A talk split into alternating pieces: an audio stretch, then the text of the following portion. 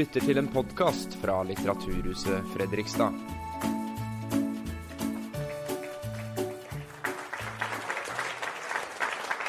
Kjære alle sammen, hjertelig velkommen hit til eh, Litteraturhuset Fredrikstad. Det er veldig hyggelig da, å se så mange her i kveld på det som er det første arrangementet i en helt splitter ny serie som vi har kalt for Levd liv. Jeg heter Roy Andersen, og jeg er daglig leder her på huset. Eh, og det skal jo være høyt under taket eh, i et litteraturhus. Her skal vi høre meninger og tanker vi kanskje ikke liker. Eh, vi skal høre fra folk som vi kanskje ikke liker, eller, skal, eller som har gjort ting vi slett ikke liker. Og Det er jo kanskje da vi rykkes litt ut av komfortsonen, som kan føre til at vi gjør oss nye tanker og refleksjoner som vi kan vokse litt på. Og Det er jo akkurat dette som er selve ideen bak Levd liv. For i denne serien så skal vi møte mennesker som har gjort eller har opplevd noe av de fleste av oss ikke har, heldigvis. Og Levd liv er en eh, serie som vi arrangerer sammen med Borg bispedømme, så tusen takk til dem for godt samarbeid. Da er det ikke så mye mer for meg å gjøre enn å ønske programlederen og hans gjest velkommen. Og så får de introdusere seg selv. Så velkommen på scenen, biskop Atle Sommerfelt, og velkommen til hans gjest, Erling Havnå.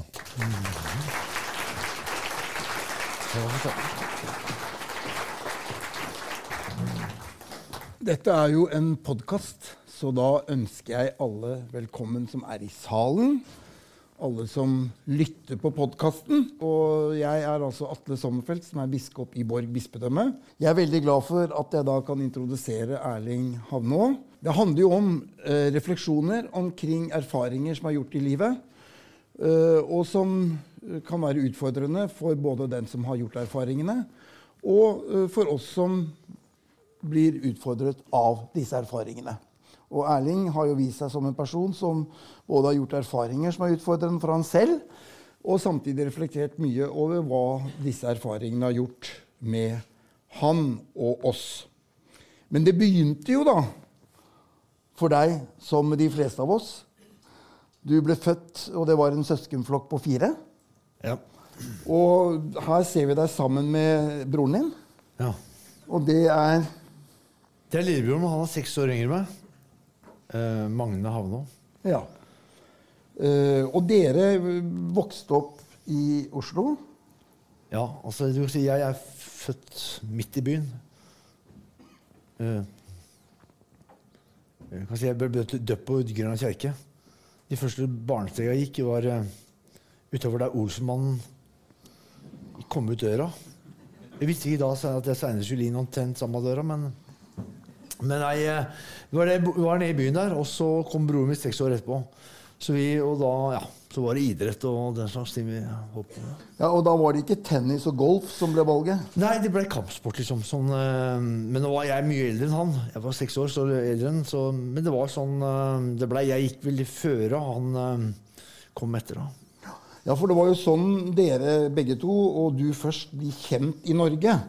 Det er jo som den første store norske kickboks-aktøren. ja, og, ja. Første store, men altså, altså Jeg syns ikke jeg har gjort så veldig bra idrett. altså Jeg vil ikke på, skryte på meg det. Men altså eh, jo, Hvor mange er det her som har vært europamester? De fleste, vel. Nei. Men, men, men, eh, men har altså sånn at eh, Innenfor kampsport så var jeg ganske kjent. da. Det var jeg. Og jeg ble mer kjent etter hvert. Og så fikk jeg mer kunnskap om det. Så jeg er nok, jeg er nok bedre sånn uh, trener leder enn jeg egentlig er utøver sjøl. Men jeg kunne jo litt annet. Det kunne ja. For, men altså, jeg øh, Jeg vet jo godt hva boksing er, og hva bryting er. Mm. Øh, men jeg har lest, lest meg til da, at kickboksing ble funnet opp i USA på begynnelsen av 70-tallet. Og, og, du begynte jo nesten med en gang. Så ja, Du må jo være første generasjon i kickboksing. Ja. Kan du si litt hva er forskjellen mellom kickboksing og boksing? Kanskje de fleste her vet det? Ja, men, jeg tror de eh, fleste vet det nå. Men altså, det er det samme. Altså, man, man, eh, bokser med en og så sparker man med beina. Altså, det er hentet, for å si, så jeg prøver å forklare folk at Hadde karate kommet i dag til Norge, så hadde de kalt kickboksing. Eh, kinesisk skyggeboksing har ikke noe med boksing å gjøre. Boksing betyr kanskje armbruk. Da. Og så sparker man det til Så i da, i moderne navn for karate, og så er det på en måte kickboksing. Men, det er, men sånn som det utføres, blir det jo i hovedsak den opprinnelige delen er jo da som eh, at man bokser, og så sparker man til de. Du sa når vi snakket sammen at uh, det var den naturlige sporten for uh, Oslo øst. Uh, vil du si at det kampsportmiljøet er viktig for ungdom som kanskje ikke finner seg helt til rette? Ja, altså, jeg skal si, Mange av gutta kameratene mine også spiller hockey. Og, men det jeg var krevende, kosta penger. Faktisk ikke både Bjørn Løsamo og, og, og nei, og Bjørn Oftesrud de, de var jo på, i, OL i Sarajevo. De gikk i klassen min. Så, og Klasseforstanderen min spilte hockey, men jeg, råd til å ha holdt halvt hockeyutstyr hadde ikke jeg. da. Så liksom det, mens, mens de andre var mye fikk som sånn gratissak, da, så da kasta jeg meg med på det isteden. Og vil du si at det eh, Du har jo gjort en stor eh, innsats både som organisator og, og, og trener. Etabler, er den første presidenten i Norges Kickboksforbund. Vil du si, Ser du den aktiviteten som en del av det å gi ungdom en god, en god måte å ut, få utløsning for energi, som Ja. ellers kan brukes gærent? Ja, det er det òg. Men du kan si, det å komme inn i Idrettsforbundet så, altså Når vi starta det forbundet, så hadde vi det som mål første læresetting å jobbe mot Idrettsforbundet. Og alle dere som kommer inn i etablerte selskap, vil alltid lønne seg. Eh, uansett, det, og det å vaske idretten rein da, og få overbevist de, de, de gamle, tradisjonelle folka i Norges Idrettsforbund som de mente at dette var pøbelidrett, at dette her var ordentlig idrett. Det var en krevende oppgave, men jeg greide jo det etter hvert. Men det er veldig viktig og uansett å få Uansett om man I dag så har man mixed martial arts. Og, altså, alle får, få det rent og få det inn i Idrettsforbundet vil uansett være det beste. For da kan man forme det derfra. Og på den måten kan man også være med å forme si, ungdom og deres etiske holdninger. sine. kanskje det høres dumt ut når jeg sier det, som har vært med ran, men uansett, jeg sier det. For jeg mener det jo, da. Men, øh, men jeg sier det for det.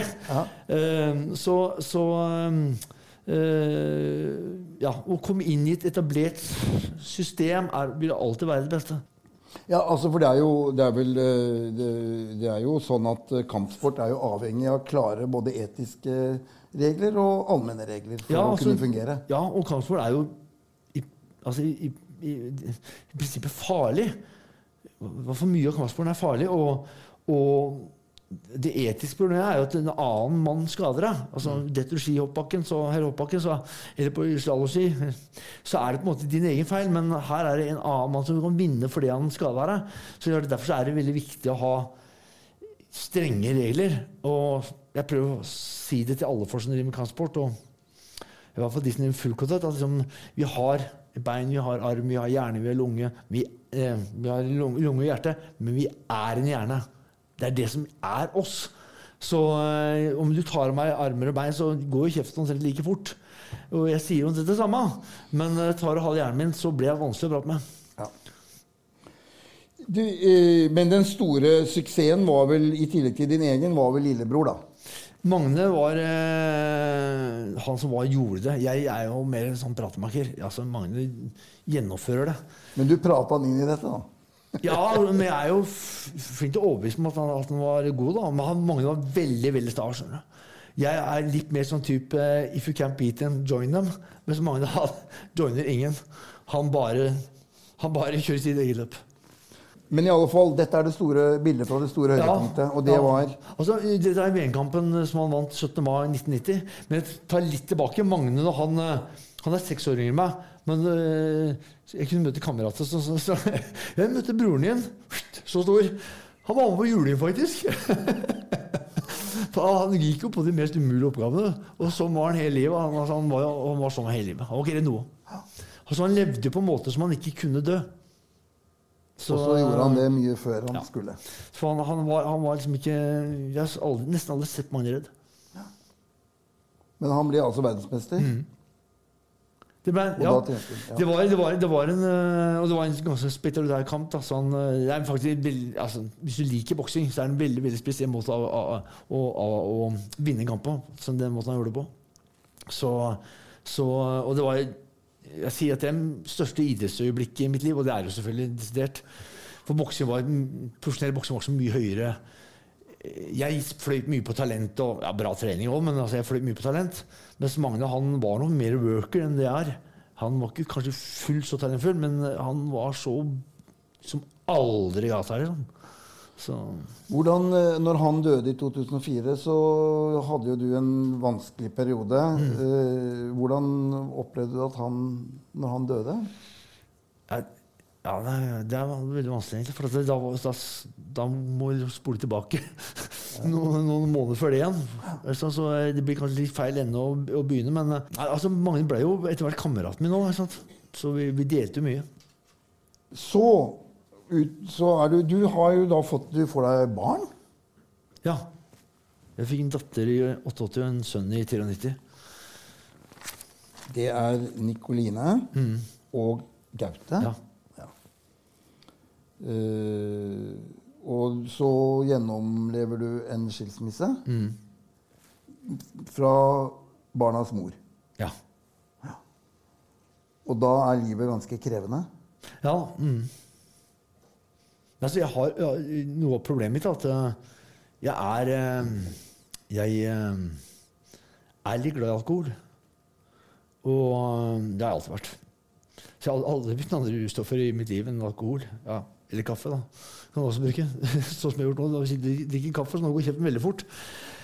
Men, men alkohol har, og det er klart, den beste trøsten jeg har, er å drikke. Og for å si sånn 99 av alkoholen jeg drikker, drikker jeg helt aleine. Og det gjør jeg dag i dag. Altså, jeg drikker veldig sjelden sammen med folk. Jeg drikker som regel alene. Og den gangen etter eh, skilsmissen ble det veldig veldig mye. da. Og eh, til slutt så likte jeg meg sjøl veldig veldig dårlig. Ja. Jeg, var, jeg, var, jeg likte meg ikke. Jeg likte livet mitt. Jeg likte ikke noe av meg. Ja, for da er det, det er da du gjør noen valg, eller gjør det store dramatiske valget, da, eh, ved å eh, knytte deg opp mot uh, kriminelle Ja. miljøer. Um, og, og, og det er i en situasjon hvor livet ditt uh, ikke henger helt sammen. Ja. Mm. Hva er det som gjør at du velger, uh, velger det? ja. Altså, i, det er mange, altså, du kan si mange, mange som har spurt meg det, om hvordan kunne du være med på noe. Men altså, det er vanskelig en sånn reise. Jeg leste om, hørte på, Mens jeg satt inne, så var det en som sa at hvis du er i en traumatisk skilsmisse, sånn, så kan du låne eh, kilo kokain av AB-gjengen eller altså et eller annet sånt gjenggreier i Oslo, og så ikke betale tilbake. For da får du større problem enn det du hadde.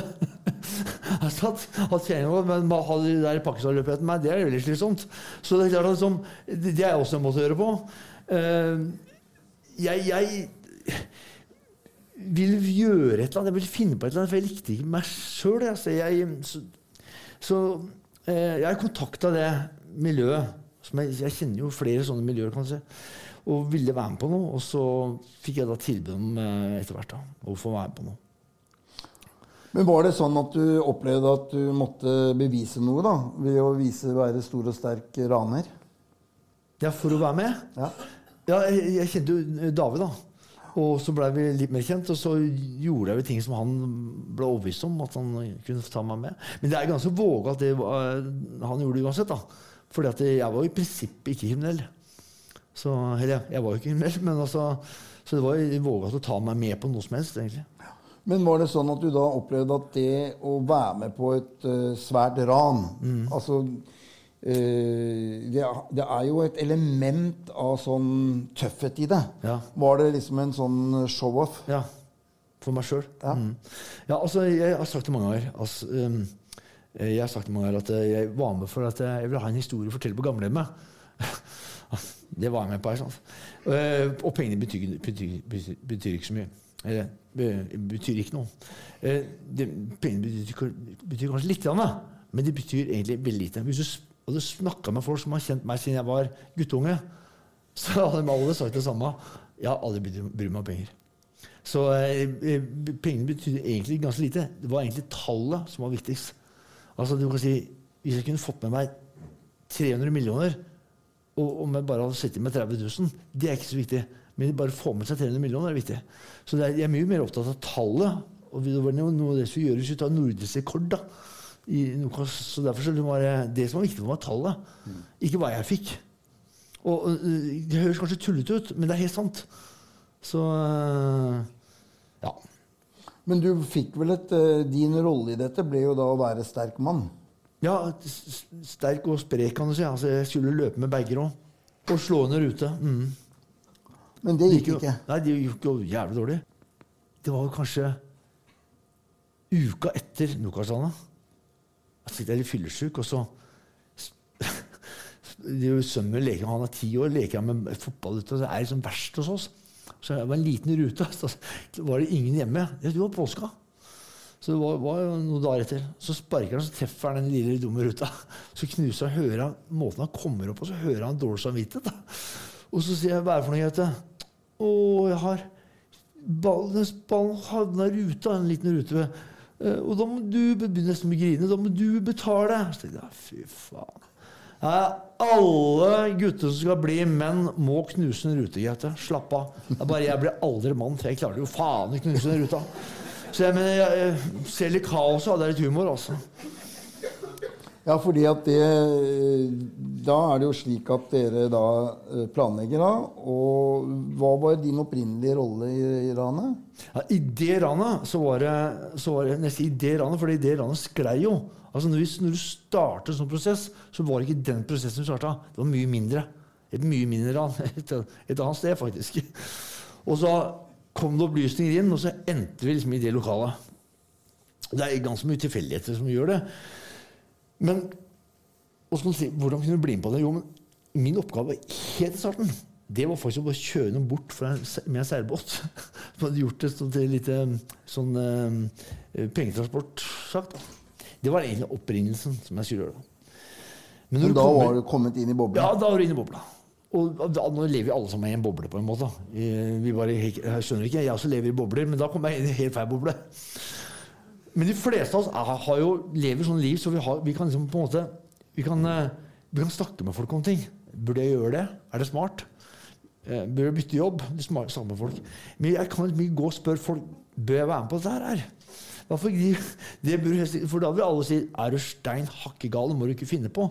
Så jeg veit jo svaret så jeg hvis spørre spør dem. Så sånne bobler som dere kan fort skli. Og jeg har sagt det mange ganger, altså i alle miljøer så er det viktig å ha det ganske gjennomsiktig. At vi har transparent. For det, hvis du klubber ned dårlige meninger om det er folk som er eh, rasistiske eller hva det nå er, Hvis du bare klubber en hatt over det, så holder de kjeft. Så går de i lukka miljøer, og så sklir de. Alle miljøer er relevante. Du kan være uenig bare vil, men folk må kunne si det. Ja, Bortsett fra at det var rent kriminelt. da. Men det jeg lærte jo litt av det. At liksom, hvor langt jeg kan skli. Når jeg kan skli dit, så kan de fleste av dere. Ja, fordi du sa, du sa nå at du, at du jo hadde, du hadde kjenninger som du visste var Ja. kriminelle. Ja. Men du, hadde, du er jo over 40 år når dette skjer. Ja, ja. Det Så du hadde opp. jo da, i, i, hvis vi sier 20 år da, som voksen, eller 25 år fra du var ungdom, har du jo stort sett holdt, eller har du holdt deg unna kriminalitet. Ja. Så du er egentlig en debutant når du Ja. blir med på disse landene. Ja. ja. Det. Ja. Så jeg altså når, jeg, når jeg går inn der, så har jeg på en måte ikke kompetanse. Hvis jeg spør om det, du, er det smart, ja, men du kan, kan ikke tenke negativt. Dette, kanskje vi har gjort det før. altså, altså, du, må, du, må spa, du må stole på fagfolka, da. Ja. Så, um, men ja, når, jeg, når jeg sitter og sier dette her nå, så sier jeg bare det som er sant. Eh, jeg prata med Kripos, etter, så tror jo ikke de på sånne ting i det hele tatt. Så, så, eh, så det har vært moro. Jeg prata med noen av de mye senere, de etterforskerne seinere og sagt at uh, dere tenkte faktisk helt feil, for jeg vil gjerne skuppe på meg noe, mer- noe mer, men dessverre, det er ikke sant. Uh, og det så jeg har sett meg blitt over, veldig overraska over. Altså, at, at ikke jeg var At, at du er en så Ja, ung, jeg... gammel debutant. Ja, ja, ja. Ja. Men du eh, eh, Du hadde jo du hadde jo rett og slett to barn. og Du hadde Ja. to foreldre som var i live. Mm. Eh, det var jo et svik mot de, ja. dette her. ja, ja. Og hvordan, hvordan har du håndtert det? Eller hvordan håndterte du det da? Og hvordan håndterer du det nå? Ja. Men jeg, jeg, bare en sånn liten ting, altså. For det første skal jeg si at det, jeg, det ran som blei, var det jo ingen som tenkte det skulle bli. Det var ingen som så for seg uh, politimannen ble skutt. skutt så, ingen som så for seg det. For jeg, da hadde strengt tatt ingen som er gærne nok til å være med på det. Av den gjengen der, i hvert fall. Det tror jeg ikke noe på. Så, så det ble noe helt annet enn det vi trodde det skulle bli. Så forsettet her er jo ikke det som var resultatet. Men, uh, men det er helt sant. Jeg, jeg uh, I verste fall, tenkte jeg, i aller, aller, aller verste fall, så kan jeg få det er, Grensen på uran er tolv år. Jeg er ikke hovedmann, debutant. Mer enn seks nei, ja, mellom ni år kan jeg ikke få. Da blir jeg borte fra barna inntil seks år. Altså, jeg, jeg, og det, de, de jeg gjorde, var verdens største egotripp. Og det er Det forteller hvor dårlig menneske jeg er. Så, og, og jeg, jeg, kan si at jeg har aldri tatt opp med barna mine jeg hadde tatt opp for foreldrene mine. Da er faren min død, han døde for to år siden. Men jeg hadde aldri tatt opp med det, det sviket jeg gjorde. Og det, jeg vil helst dø uten å slippe å ha det opp. Så, så jeg orker ikke. For jeg syns det er ut, helt ut, utilgivelig. Det er det. Ja, så det, det, er liksom den store smerten din, ja, ja. egentlig. Ja, det sviket der. Det er, altså, det er, du stikker av for hele regninga, så lar du alle de andre styre. Ja, for det er jo et eller annet med at du har da to barn som når de skal fortelle hvor pappa er, så sitter han i fengsel. Ja. I og for seg det ville jo fått uavhengig altså, selv, et, selv, om ikke det hadde blitt så dramatisk, jo, da, så hadde altså, du sittet seks-åtte år jo, i fengsel. Men de bør ikke si det, for det var klistra trynet mitt over hele avisa. Ja. Og i den lille byen jeg var, så bør ikke de fortelle det, altså. Så, uh, men måtte de, har, de, har de hatt mye vanskeligheter med det? Nei, nei, nei, nei altså du kan si Sønnen min har vel jobba i Forsvaret og han jobber i brannvesenet, så han, han, har ikke noe særlig problemer. Men selvfølgelig dattera mi jobber jo mer i fengselsvesenet, så hun har hatt litt mer problemer med enkelte ansatte, ikke innsatte. Det der, det har hun vel. Men, Men når de var barn? Nå, nei, vet, det er en liten by. Barn er mye flinkere nå før. Det er Arendal, ikke sant? Ja, Arendal, ja. barn er mye flinkere, de er mye mer mobbing enn det var før. Tror jeg, da. Innbiller jeg meg. Uh, skolen er flink til å slå ring om folk, og det er vennene deres. Og, og, så er det altså, Det var jo sånn Det er jo pirrende. Det er nesten sånn dårlig gjort. Altså, jeg må bare si én ting når jeg sitter her og prater om livet. Jeg kan få til å si det. Uh, levd liv. Jeg må bare si en ting. Jeg har levd et jævlig uinteressant liv. Jeg lever et kjempekjedelig liv, og jeg har levd et kjedelig liv. Og jeg syns jeg er helt uinteressant, men jeg har gjort noe rart noe som få har jo andre gjort. Men livet generelt Nei, jeg er dønn uinteressant. Jeg er en kjedelig person. Men, eh, men øh, barna mine har De jobber slått ring, ring om det, så er, er at jeg, som jeg sier, først, En av de første andre permisjonene jeg hadde, da så satte jeg ned på, gikk jeg på første klasse på, på, toget. Så satt jeg sammen med en fyr jobba i et stort oljeselskap. Gå på middag, tror jeg. Og han, han sier ja, ja. Det var kult, det ranet der. Hva var summa av politimannen? ja, det skal ikke du sitte og si. Altså, det er, det er det du ikke skal si. Din idiot. Det, altså, du skal ikke si det er kult. Når du har en ledende jobb, skal du faen ikke si det. Om du mener langt der inne, skal du bare ikke si det. Og problemet er at mange mente det langt der inne. Selv om de ikke sa det. At det var litt kult. Så det, det, i, i, den saken her for ungene mine var det, er det litt lettere å slippe unna den vanlige mobbinga, for å si det sånn. Mm. Så, mm. Men du hadde risikoen Dere, hadde jo, dere var jo tungt bevæpnet ja. som gruppe. Ja. Uh, og da hadde dere, hadde dere diskutert risikoen ved at noen kunne bli drept? Nei, ja, altså jeg må si at eh, vi kommer jo, Hva slags gruppe er det, da? Altså Jeg kunne ikke navnet på halvparten av dem. Så vi ble dømt på 60A, organisert kriminell eh, gruppe. Men det er jo på, altså, det er litt sånn rart. For det, vi er en organisert kriminell handling. Men jeg kjente jo ikke så mange av disse folka. Så jeg kjente faktisk nesten ingen. Men, eh, men vi hadde det lille jeg nevnte, da Hva er sjansen for? For selvfølgelig, skudd kan bli avført. Det må du. Uh, men ikke den skytinga som var på gata. Det tror jeg ingen der så for seg. Så hvordan, Hva gjorde du når du fikk det fikk du høre på nyhetene, at uh, en politimann var drept? Ja. Klungeland. ja. Eh, hvordan, hva gjorde du da? Nei, det, det, da var jeg hjemme. Det gått noen timer, men det, var- det var ganske kaos i huet mitt. kan du si. Og det av flere grunner. Så hadde sovet dårlig. Det var, eh, du hadde et sånt eh, lydbilde og skader i øra pga. at du sto inn i den bakgården og all den skytinga. Og det kaoset med Så hele handlingen var sånn Ja, så du kom hjem, så, så Du hadde nesten gitt opp før du kom hjem. Og du ga ikke mindre opp da. Så jeg følte at da vil jeg bli tatt for dette her. Ja. Ja. Og da, da var den beste vennen var en flaske brennevin. Ja, det er alltid god venn. Det er det. Men du eh, eh, det, er jo veldig Når du sier dette med at du tenker at den, det, den beslutningen da, om å bli med på dette ranet var en eh, Da gikk du inn i en, den totale egotrippen. Eh, Vi snakket jo litt om det før her. Det er jo, eh, det er jo dette som er Martin Luthers definisjon på menneskets synd eller ondskap. At man er innkrøket i seg selv. Mm. Det er jo et bilde også med en knyttet hånd ikke sant, som er innkrøket rundt seg selv. Så det er jo sånn sett så er jo erfaringen din Du har jo erfart dybden i noe vi alle har i oss. Kapasiteten til det onde. Ja, ja.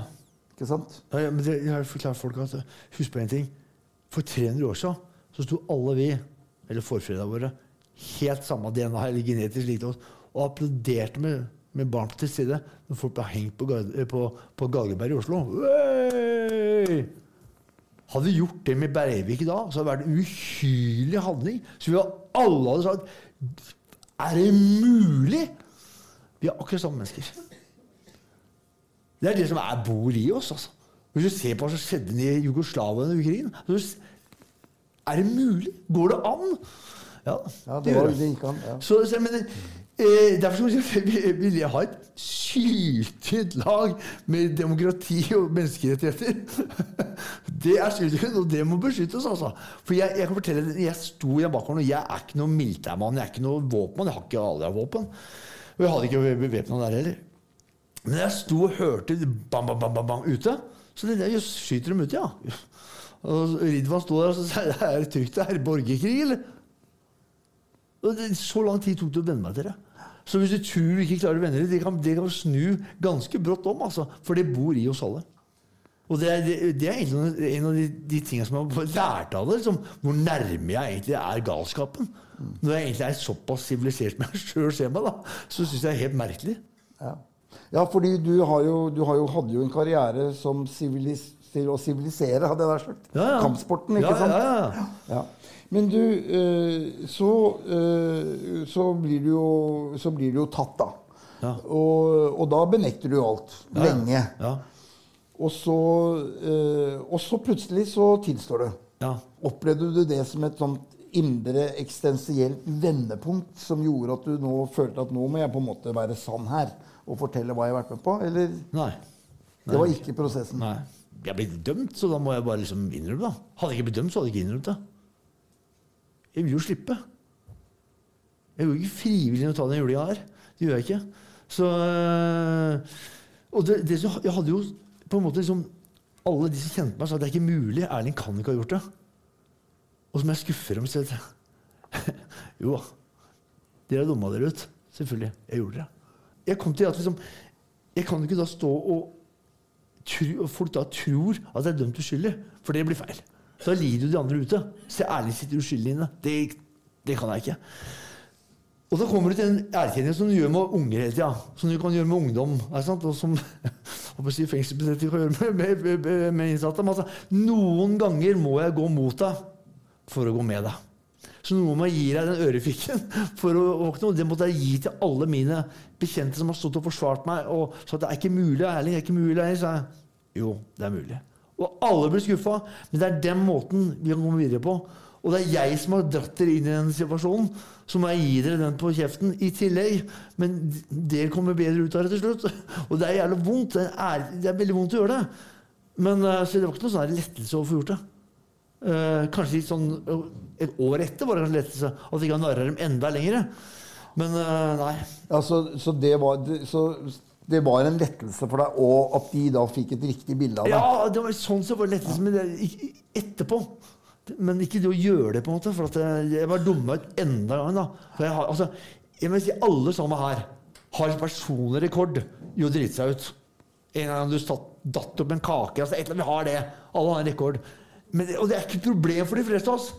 Problemet er. Min rekord nærmer seg verdensrekorden. Da har jeg et problem. Det er sånn, jeg er så kjempemye mye jeg driter meg ut. Mista du mange venner når du da Nei. tilsto? Nei. Det, var- det veit jeg ikke. De er jo bare forsvinner.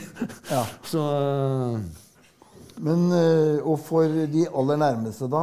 Nei. Opplevde du at, de, at, det var, eh, Nei, at det var for dem bedre at du tilsto? Ja, det vet, jeg veit ikke. Jeg tror det er det. For, altså, jeg sa til deg, jeg har ikke tatt opp så mye. Med, med, men de, de fleste av mine venner nevner aldri Nokas-ane. Altså, det, det er ikke sånn de kjenner meg likevel. Så øh, det, er, det snakker vi liksom aldri om. De som da Det er jo, er jo folk som kommer bort og sier at du er en drittsekk og du burde vært liksom, satt inn for livet, liksom. Men det er greit nok, det. Altså. Det, kan, det gjør ikke noe. Eh, Og jeg, det har jeg både respekt for og, og jeg både aksepterer og respekterer at folk syns at jeg er en dust og en drittsekk. Det, det kan man gjøre. Men du, mora di lever ennå, hun. Ja. Hvor gammel er hun nå, da? Hun er eh, 90 år og et halvt. Ja. Ja. ja. Så du har et langt liv foran deg? Eh, ja, hvis jeg blir som hun Nei, de, kan- jeg har ikke det samme genet som hun. For hun husker jo som en elefant, og jeg glemmer jo ja, som en gullfisk. Så, så eh, der er vi forskjellige. Så blir du jo dømt til Du får ganske mange år. Ja. Jeg en- ender med 16 år i Høyesterett, da. Ja. Og hvor mange år satt du faktisk inne? Eh, Ti år og nesten ni måneder. Mm. Altså nesten elleve. Og da sonet du under eh, Du, du sonet eh, både i høysikkerhet og Ja, jeg husker ikke hvordan det var. Men ja, åtte og et halvt år satt jeg på Lokka. Uh, og det er ganske bra sikkerhet, ja. Mm. Det er sånn- også Noen ganger så er det veldig tungvint sikkerhet. Så eh, Og det er ganske plagsomt å, å sitte med et sånt regime så lenge, da. Fordi du er jo potensielt liksom livsfarlig hele tida, og det er litt slitsomt å bli sett på som livsfarlig hele tida. Så jeg satt to år isolert. De fleste av den, den tida satt jeg frivillig isolert. Og nesten totalt opp på Bastøy åpen. Det var bra. hva, du, hva, hva gjør egentlig en sånn langtidsfange sånn i hverdagen? Ja, altså jeg for min del var- når du var i fengselet, Ja, nei, jeg er ganske disiplinert, da. Så jeg gjorde mye, hadde mye sånne ting jeg satte altså Jeg hadde tenkte at ok, jeg skal prøve å lese. men Jeg leser jo jævlig dårlig, altså. Fy fader, jeg er så treg til å lese. Jeg, jeg har en hjerneskade. Jeg, jeg må også lese en side to-tre-fire ganger. ikke sant? Og samtidig går det seint. Så for meg å lese en bok, så er det er jo liksom som dere gjør en doktorgrad. ikke sant? Så jeg, så jeg leste jo 52 bøker i to år på rad. Og det syns jeg var en kjempeprestasjon. Jeg trente 365 dager. To år. Og da er du i ikke sjuk. Eh, så jeg mange sånne, hadde mange sånne, sånne eksperimenter. da, som jeg med. Men så Jeg sto opp halv seks hver morgen, så gikk jeg fram tilbake på cella til syv. Fikk jeg kaffe. Hadde redd av senga. Så var det som enten ja, ut på å gjøre et eller annet eh, Du kom over Om du var på skole eller, eh, eller sånt Og Jeg, det jo fengselavis. Jeg hadde sånn eh, treningsskole for Og jeg hadde mye treninger. Ja, en treningsskole, Så det fengselet klarte å finne noe du kunne gjøre for andre? da? Nei, fengselet? jeg fant det. Ja, De finner ikke noe. Nei. Jeg fant det. Du fant det, men de til- tillot deg å gjøre det? Ja, du kan si det er veldig rart, for på høysikkerhet så, så er det faktisk mye lett å, var lett å få det til. Det var helt merkelig. I Stavanger fengsel der fikk jeg masse f- Fritøyler har du ikke, men altså, i forhold til at du får lov til å hjelpe andre. da. Så jeg hadde mange mange steder. Jeg hadde brødbakekurs. Jeg hadde eh, ja, vaskekurs og sånn. Det var mange sånne kurs for de innsatte. Ja, ja. Ordentlig kompendie med om brødbakelauget i London eh, på 1600-tallet. Ja, ja. Så det var, det var skikkelig greier. altså. Så lagde jeg da eh, Jeg satt tre år på noen, og skrev eh, treningskurs. da. 60 timer teori og 190 timer praksis. Og Altså, så hadde det hver sommer. Fysisk trening? Ja. Og da Så er det noe som jeg som egentlig bør trene, burde skaffe meg? Ja. Det kurset ditt? ja. Eh, ja, skaffe ja, Du vil ha meg som trener, ja? ja. Det blir, og det har jo altså, det har alt med kost og alt mulig, så det var veldig omfattende. Og jeg fikk veldig frie tøyler til det. Så jeg hadde egentlig tenkt å reise rundt flere fengsler og gjøre dette her. da. Men det er klart, du møter motstand. eh, De, det fengselet, Stavanger, de var veldig veldig for meg, men de kjente meg, liksom. Ja. De andre bare leste om meg, og da har vi et problem. For hvis du leser Og det er noe av det jeg på en måte bruker tilbake nå. Da, at liksom, ja, du har lest Høyesterettsdommen, da. Jeg er klin gæren. Og, vet du hva? Jeg er farligere nå enn jeg ble bura. Jeg ble og det er sant. Fordi terskelen min for å egentlig sitte inne, den er altså det er, Skammen har jeg tatt. Jeg er blitt spytta på og tråkka på. Jeg er jo bare en idiot. Så om du sitter år til, gjør det noe? Uh, og, og det å sitte inne Jeg kan jo Jeg jo altså, jeg, har, jeg, jeg har ikke bachelor, jeg har master, altså. Så det her gjør jeg uten problem. Å sitte et år er for meg å inn og vaske noe tøy og trene litt på selv og kose meg og tralle og lese et par bøker seg ut igjen. For de fleste av andre så er jo det et stort tap. Økonomisk spiller ikke en drittrolle. Kanskje helt motsatt. Jeg vil jo kanskje sitte og gjøre litt penger der, for her ute lever bare på minimumseksistens. Så, og, og om jeg gjør sånn til Nav eller jobber i Nordsjø, spiller folkens rolle. Altså, så, all det, det å ta, sitte inne Grunnen til at jeg ikke vil gjøre noe som, sitter, eh, eh, som resulterer i fengsel, er at jeg gidder ikke gjøre handlingen. Men hvis jeg bare kunne melde meg inn i fengselet, kunne det godt være at jeg hadde vært inn der noen måneder i året. Det var fint, det òg, altså. Så, for det her kan jeg jo. Jeg, Du, er, du har master i fengsel. Oi, oi, oi. Overleve, herregud. Altså, det er jo laget men Sånn er det med alle ting. Uansett, da. Se på hva du har. Se på hva du har i livet. Og Det er ikke vanskelig å se på det, det positive. Det er ikke vanskelig å se på det negative. Og dette har jeg alltid tenkt. Men det er verdt, da. Så fordi jeg, jeg, så for meg mange år inne Hvordan skal jeg overleve dette her? Så jeg ligger og slår huet i altså, Hvis jeg sier at det var lett å sitte inne, ingen problemer. Slapp av. Altså De første to åra så skreik jeg mer enn jeg var født til jeg var arrestert. Altså. altså, den veien er lang når du sitter isolert aleine. Å, fy faen, og den er smertefull! Men etter hvert, når du har med trynet lenge nok nedi søla og reiser deg opp, så skal det litt til. Får vel ikke vondt igjen. Altså, altså, da har du venta dere, og så tenker du Skal jeg sitte her med det inni gjørma her og synes synd på meg sjøl og synes synd på alle i så mange år? Eller skal jeg prøve å få det til å bli bra? Skal vi se. Sier jeg det jævlig? Sier jeg det bra? Jævlig? Jeg tar bra. Og hvordan får jeg det bra? Jo, da begynner jeg å se på det positive. Hva er det jeg har som ikke dere andre har? Hvem av dere kan sitte og slappe av? Hvis du sier du, du, jeg slapper av en uke, gjør ingenting. Gjør i fengsel. Altså? Eh, lege, ja, det er der nede. Altså, det, hva er problemet? Du kan tasse rundt i støv. for I Måkerike står ikke i nærheten av støv på to år. Da gjør du det. Da tasser du bare i gangen. Og du kan gjøre hva du vil. Du må være innenfor de grensene. Du må se hva alle fordelene har. Og etter hvert så syns jeg så jævlig synd på alle dere, ja, utenom et par av dere som har sittet inne, da. Alle de andre syns jeg så synd på, som sliter med snømåke, kjører unger i barnehage og dritt og kjerring som klager. Og fy faen! Jeg er kvitt alt! Jeg er fri, jeg! Så jeg begynner å se alle de fordelene, og da blir du mer og mer skrudd, da.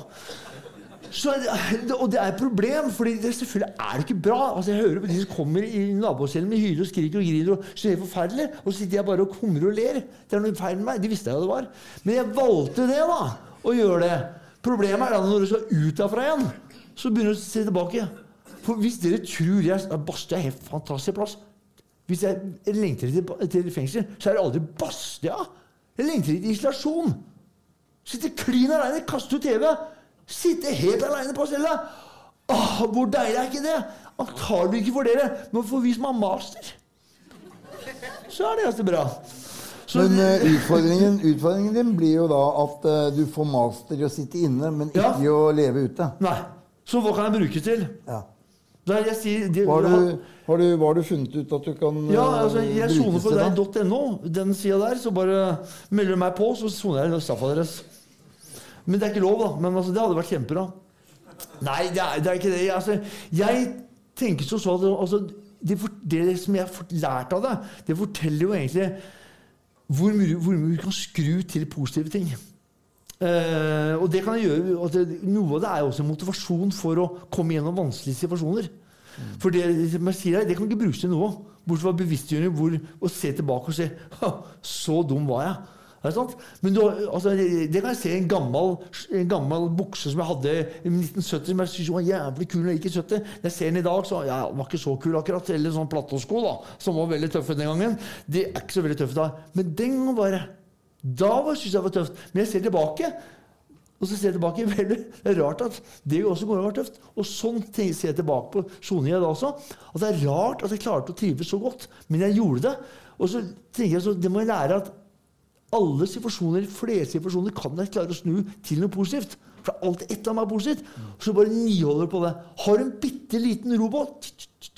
Ikke misunn han derre dussen som kommer forbi deg i Princess 54. For det er ikke mange i verden som har en robot. Men du har. Altså, Du må, du må se på hva du har. Altså, har du friske unger, så drit i den parkeringsboten eller restskatten. Fuck det om du mister huset ditt. Du har frisk unge. Altså, se på hva du har. Og det lærte jeg veldig. altså. Jeg tok vare på alt det som var positivt, og var diggere. Ja, det betyr at, eh, at, det, at den, den liv, det liv du nå lever Du har jo sagt noen steder at du opplever på en måte at du fikk livstid. Uh, ikke sant? Fordi du bærer med deg straffen hele veien. Men det du, det du sier, er at den, den vendingen For der gjorde du en vending. I fengselet gjorde du en vending. Fra å skrike til å si hva jævlig eller bra. Ja, ja. Ikke sant? Og, da, eh, og det er den, den livserfaringen, da, det levde livet som ligger i det valget, som du nå gjør at du lever godt nå. Ja, ja. ja nå lever jeg helt fantastisk liv. Så, så um, Hva gjør du nå, da? Synes jeg brenner litt hjemmebrent. Og så lager jeg innmari god vin. Fantastisk vin. Nei, men jeg trener mye, da. Det gjør jeg. Og jeg, stå, jeg er ute og hjelper folk. Jeg, nå er en kamerat med han skal ned til eh, han er sånn derre ikke, proff- ikke kokk, han er eh, kirurg. Han driver og skjærer folk. Og eh, skal ned og jobbe i, i eh, på sånt basen de var i Irak eller et eller annet sånt, i Af Af Af Afghanistan. Og da har han hus og noen hytter, så de steller jeg for det. Ta plenen, altså. så jeg, jeg gjør mye hjelpeting, da. Og så har jeg jo eh, sønn og en datter som jeg prøver å gjøre litt for. Og så har jeg Kai Robin, eh, nevøen min, så sønnen til Magne, som er profesjonell bokser. Jeg trener han i teknikk. Jeg vil prøve å ikke gjøre så mye mer enn det. Det er veldig rart, for jeg er ganske god i teknikk. Eh, for å skryte så er jeg innmari god til å trene teknikk. Det er Kai Robin, da. Men jeg er god til å få ut kraft ut av slag. Og vi, altså alle vi mennesker er gjennomsnittlige. Det er noen som er gode i noe, er noen som er dårlige i noe. Så I slutt, sluttfasen er det snitten hele gjengen. Er, er sant? Og så er det noen som er heldig å få noe som er smart å være bra i. Det er ikke jeg. Jeg fikk bare det som noen, noe, som- noen som lærer å slå hardt. Men jeg er veldig god i bevegelser. For jeg, lærer, jeg så en kamerat med han støtte 1920 i, i kule, og så vi var inne og trente den bare noen uker. Sånn. Dette er mange mange år siden. Og han var så fornøyd, for jeg så det kulestøtet. Jeg kan, når jeg ser kulestøt, kan jeg, kan jeg lage 100 bilder av det støtet. og sånn kan jeg gjøre det samme med, med slag. Men jeg kan jo ikke så mye om boksing, egentlig. Men jeg kan eh, og kickboksing. Det er grenser jeg kan, i hvert fall. Det er mange, mange, mange, mange som er bedre enn meg. Men jeg er god til å få kraft. Og det er så god at eh, amerikanske trenere og sender video og spør hva i helvete er de holder på med der borte. Det, og, og dette er sant, altså. Så, eh, så det jeg trener Karobin i teknikk. Og jeg, og jeg ønsker ikke å trene han mer enn i teknikk. Og grunnen er jeg er nærme Karobin, for jeg har onkelen hans, men jeg er ikke nærme nok. Har vært sønnen min, så kan han egentlig plage om jeg vil. Jeg er faren hans, han blir aldri kvitt meg uansett. Men du kan bli kvitt en onkel, liksom. Så derfor er jeg er for nærme, men ikke nærme nok. Så derfor vil jeg ha den passe avstanden og bare ha teknikktrening. Ja. Men, det, men han fortsetter karrieren Ja, ja, han. det gjør han. Ja, ja. Eh, så du, men du opplever det at eh, de ressursene som du jo åpenbart har hatt gjennom dette levde livet ditt, eh, som har hatt mange forskjellige utslag, eh, kanskje dårligst, eller uten tvil dårligst brukt i, i Nokas-ranet Men de ressursene de opplever du at du nå bruker også til å tjene andre. Ja, du, jeg. Jeg gjør jo det. Jeg, og jeg, jeg reiser litt ut på dette her. Jeg er en del på universitetet og prater jo mer om Her har vi en flott ja. gruppe. Det er, det er fra Eidsvoll, sa du? Eidsvoll, stemmer det. Ja, ja. Men jeg, jo sånne, Henrik har noen sånne gjesteopptredener for sånne grupper. Ja. Og så Ja, jeg har jo Stabæk fotball, Lørenskog eh, hockey og, og dette går mer på motivasjon. Da eh, Da prater jeg ikke så mye om straff. Men innenfor universitetet blir det mer sånn straffegjennomføring og ja, en del tanker om det. Men eh, det er også moro med sånne, sånne mm, kampsportgrupper. Da. Og det har jeg hatt krav maga, karate, boksing, kickboksing Alle sånne forskjellige former for, eh, for de som har med slag og spark å gjøre. Mm. Nå har du jo eh, kors rundt halsen. Ja. Eh, betyr det at du er religiøs? Nei. Jeg er 100, altså 100 ateist. Og tanken på at han der, at jeg kommer opp til himmelen, og da står han der skattemannen og sier Du, penger. Da tenker jeg Nei, jeg vil ikke. Ja, men når jeg, når jeg dauer, er jeg helt fri. Da orker jeg ikke mer. Og jeg har alltid sett på religion som en sånn derre altså, Det er helt fantastisk om det finnes en gud. Det har vært helt herlig. Men jeg er veldig fornøyd når jeg er 62, om jeg får 15 år til. Kanskje jeg driter i 20, og enda, enda mer. Da er jeg fornøyd. Men mange religiøse er ikke fornøyd med det. De skal ha mer. Ja, men jeg er 1000 år. Ja, mer. Jeg er 10 000, da. Mm, Mer.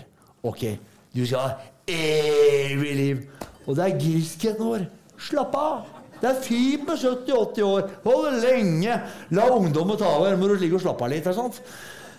Så jeg, det er det som er problemet. Jeg, religion er det er du fister, og mennesker, alle mennesker er så griske. Vi får jo ikke nok! Hvis det bare er mer! Så øh, Nei, jeg har avslørt dem. Ja da, det kunne vært mye å si om dette.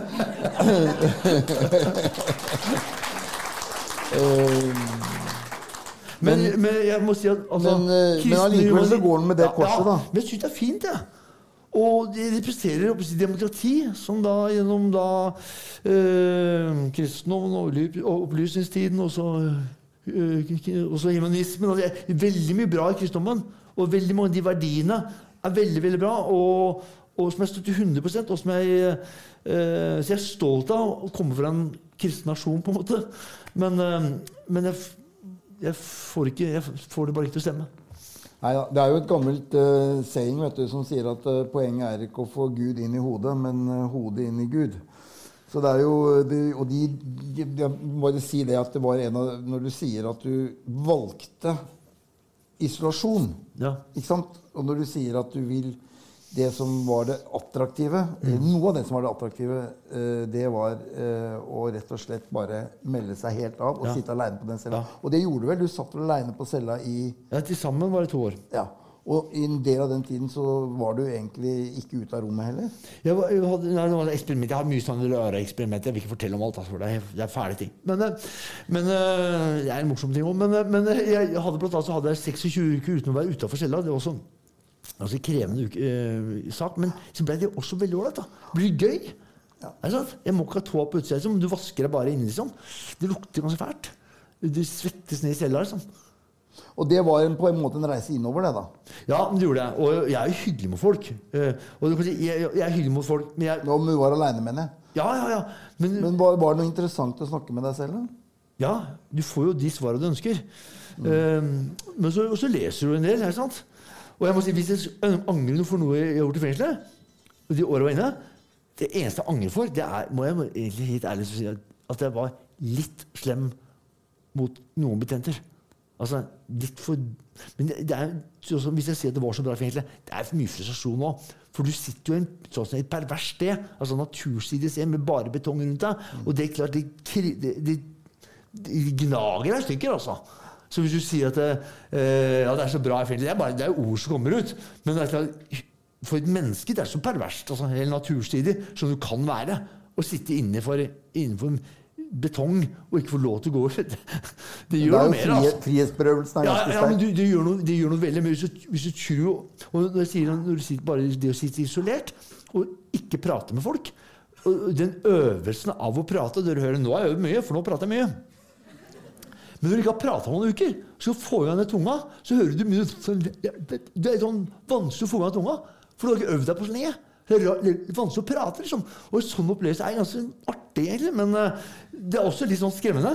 Så og Det er ikke tvil om at det gjør noe med meg, og det er ikke tvil om at det har gjort noe med meg. Om det er positivt eller negativt, det vet jeg ikke, men det er ikke tvil om at det har gjort noe med meg. Nei, det er jo at det som er for, for meg, da, som jo da er religiøs, Ja. eh, så er det veldig interessant. fordi at eh, den erfaringen du der gjør, det er jo en av den grunnleggende erfaringen som mennesker som går i som, en veldig dyp og lang tradisjon i ikke bare den kristne, men både islam, buddhisme og hinduisme og, og jødedom, at eh, stillhet alenehet eh, er et møte med seg selv og dermed med Gud. Så det, jo, det kan jo være noe vi kan snakke om ved en annen anledning. Eh, jeg, vi nærmer oss slutten på denne timen. Jøss, Eh, tida går fort når man har det gøy. Gjør det, vet du. Gjør det. Eh, så, og da har jeg fått avklart hva du tenker om Gud. Ja. Gud finnes ikke for deg. Nei. Nei. Jeg skulle gjerne vært det. altså. Det, det merker jeg meg. Men så tenker jeg Det er jo, er jo noe med måten du forteller dette på, og eh, som jo er Vi blir jo revet med i dette, og du har jo en letthet i fortellingen. Men samtidig har vi også hørt en del smerte her. Ikke minst det du har påført dine aller nærmeste. Eh, og jeg er også ganske beveget av akkurat det du sier, at, at ingen kunne trodd at du ble en kriminell som utførte noe som ble så krevende for dine nærmeste. Det er jo mennesker som både yngre og eldre som kan bevege seg i den gråsonen hvor de står på et valg. da. For uansett hvordan man snur og vender på det, så gjør du jo noen valg. Ja. Selv om du var i kanskje en situasjon hvor, hvor, valgene, hvor du opplevde at rommet for valg var veldig lite. Eh, har du noe råd, egentlig? Ja. til mennesker som er i en sånn situasjon, en gråsone, hvor, hvor det faktisk er slik at man kan velge en, en vei inn i fengselet eller en vei i et alminnelig, kjedelig hverdagsliv. Ja, det er, det er ganske sammensatt, for det, kommer, det er veldig individuelt. da. Bra folk prater, liksom. Altså, hva jeg sier, det er jo én ting. Hva jeg gjør, er jo en annen ting. Altså, mener, du må alltid se hva folk gjør. Og de sier hva politikerne plapper om. Driter det. Se hva de gjør. Og, øh, og jeg kan si ting. Hvis du gjør sånn og sånn, sånn 'Hvorfor gjorde ikke du det, Erling?' jo, jeg prøvde, prøvd, men jeg klarte ikke for det.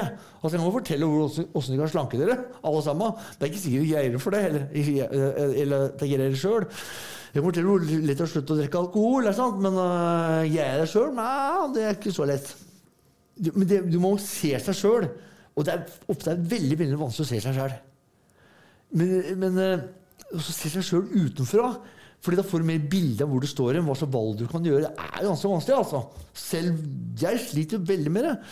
Men jeg prøver iallfall noen ganger i året å, å kikke på hva det er jeg holder på med, egentlig. Um, altså Hvis du bor i et hus, og du går rundt i hagen din og ser på huset ditt, så har du jo en viss idé åssen det ser ut. Men hvis du går bare over til neste hage og så ser du inn på huset ditt, så ser du huset fra et annet sted. Hvis du har et lite helikopter eller en drone, så ser du et helt annet sted. Så du kommer seg litt unna seg sjæl og kikker inn. Og jeg tror alle mennesker burde egentlig gjøre det. Jeg har gjort det, men det gikk jo feil med meg òg, da. Men uh, det har forsterka seg selvfølgelig den tanken i, etter dette her og gjennom fengselet. Men alle mennesker bør egentlig gå i seg sjæl og si Lever jeg le, livet jeg egentlig bør leve? Har jeg det forhold til mannen min eller kona mi eller dattera mi, mora mi, søstera mi, kameratene mine, venninnene mine, som jeg egentlig bør ha? Er det noe annet bør rette? Gjør egentlig det men mer riktig? Og hvis du ikke gjør det, som regel så tipper de fleste av oss sier at nei, det er vel noen små endringer jeg burde gjøre. Og da gjør du én liten endring. Hvis du gjør det to-tre år i året, så vil du justere det opp, så kanskje får du bedre og bedre liv. Så gjør du ikke de dumme tinga. For det er klart at, at eh, kostnaden for andre mennesker er jo mye, mye, mye, mye større enn kostnaden for deg sjæl, egentlig. Hvis, hvis du har mennesker som er glad i. da. Jeg må si den soninga mi det er helt sånn tullete. Og det er noe, av det som gjør at jeg, at jeg liksom fleiper med den der, der soninga også. Det er fordi jeg veit på en måte at det er jo familien min og, kanskje de som er, de som er skade, skadelidende i, i Nokas, det, de har jo på en måte sona verre enn meg. Hvorfor skal jeg sitte og klage, da? Nekter jeg for. altså. Blånekter å klage. Men så kan jeg si at ja, men han klager på fengselet. Ja, jeg mener at det, det er mange ting jeg vil endre for å få det bedre. Ikke for han fangen, men for alle som betaler gildet. Og da, og det du da sier, da, det er at uh, til uh, de som står i en eller annen form for valgmulighet, Ja. så sier du gå litt til siden Gå ut av deg sjøl. Ja, Kikk inn. kikk inn og Er dette virkelig? hva blir kostnaden for menneskene rundt Ja. meg hvis jeg uh, går i retning fengsel. Yes. For det er vel sånn at sannsynligheten for å bli tatt er ganske høy i Norge. Ja, det er det i de fleste tilfeller. I hvert fall, ved vold. Det er kjempehøyt. kjempehøyt. Men, altså, men du kan si, så er det også offer, da. Altså, er, er Det er jo noen som taper på dette. Ja, men jeg gleder det meg så mye at det er verdt å se det offeret. Altså, seriøst. Så lenge vi har sånne straffer som vi har i dag Jeg, jeg har jo da tatt til orde for tortur, da, men altså eh, altså Det kunne vært en god idé. Men, eh, men eh, det er ikke mange som er enig med meg. Men det som er fordelen med tortur, det er at hvis jeg gjør noe galt så er det jeg som blir straffa. Sånn som det er nå, så er det hvis jeg gjør noe galt, så er det også ungene mine og, og dere som skal betale for dette fengselsoppholdet. Nå trenger vi bare betale for en pisk. Det er litt billigere. Så liksom, jeg mener, altså, det er veldig viktig at straffen treffer riktig. For unga mine, altså, hvorfor, ikke- hvorfor dattera mi, har jo lidd en del gjennom hennes jobb. Er det sant? Så, så Det er jo, det er jo Ja, ikke sant? Dette Så er jo et ja. gammelt tema for, med forholdet mellom forbrytelse og straff. Ja, ja. Men, men det, du, det du sier, er at uh, rådet til uh, de som hører på dette, og som kunne bli fascinert av fortellingen din, ikke sant? Det er eh, gå et skritt ut og se hva er konsekvensen for de jeg rammer med den kriminelle atferden, og for de nærmeste som du Men sviker. det er et råd gir alle mennesker. Ja, Alltid. Og så sier du det, er, det levde livet ditt Ja. har lært deg at det gjelder ikke bare forbryteren, Nei, men det gjelder oss alle. Alle mennesker Ja. må gå tilbake. Ja. Og særlig hvis det er endringer i livet ditt fra før. Så må spørre, Går det til riktig vei? Er det det jeg vil? Ja. Og da må du ut og kikke inn. Og da, og da sier du at en av de metodene da, som du lærte i fengselet, det er rett og slett å oppsøke det stille rom Ja, for å tenke gjennom dette. Helt åpenbart. Ja. Jeg ta, merker meg jo det, da, og det jeg må tillate meg å gjøre det, eh, at det er jo, dette er jo det vi fra Kirkens side tenker er noe som vår tid trenger. At vi skal legge til rette for rom rom hvor vi ikke egentlig forteller folk hva de skal mene, men hvor de kan få reflektere over sitt eget Ja. liv. Og kanskje tenne et lys. Da uh, takker jeg så langt, eh, Erling. Og jeg tror de fleste av oss har fått uh, noe å tenke på, og kanskje noe vi kan lære av det. Og det er jo det som er noe av hensikten med denne serien, Levd liv. At vi skal få noen impulser til hvordan vi kan håndtere livene våre, som jo vi alle har mørke sider i, og som vi alle leter etter hvordan vi kan finne lys, og jeg vil si glimt av himmel. Og så er det da grunnlag for å si følgende Velkommen tilbake. Dette var altså første kveld i Levd liv. Eh, Den neste kvelden er 29. april, og da kommer Ada Sofie Austegård, som leder Stine Sofie-stiftelsen, og som jo uh, laget dette etter at datteren ble drept på Baneheia. Takk skal du ha. Altså, tusen takk for at du kom. Og hvis det er noen som har noen spørsmål, så sier jeg som de i helse i fengselet. Bare kom! Ingen spørsmål er for dumme. Så eh, Tusen takk, men jeg må gjerne spørre meg om hva som helst.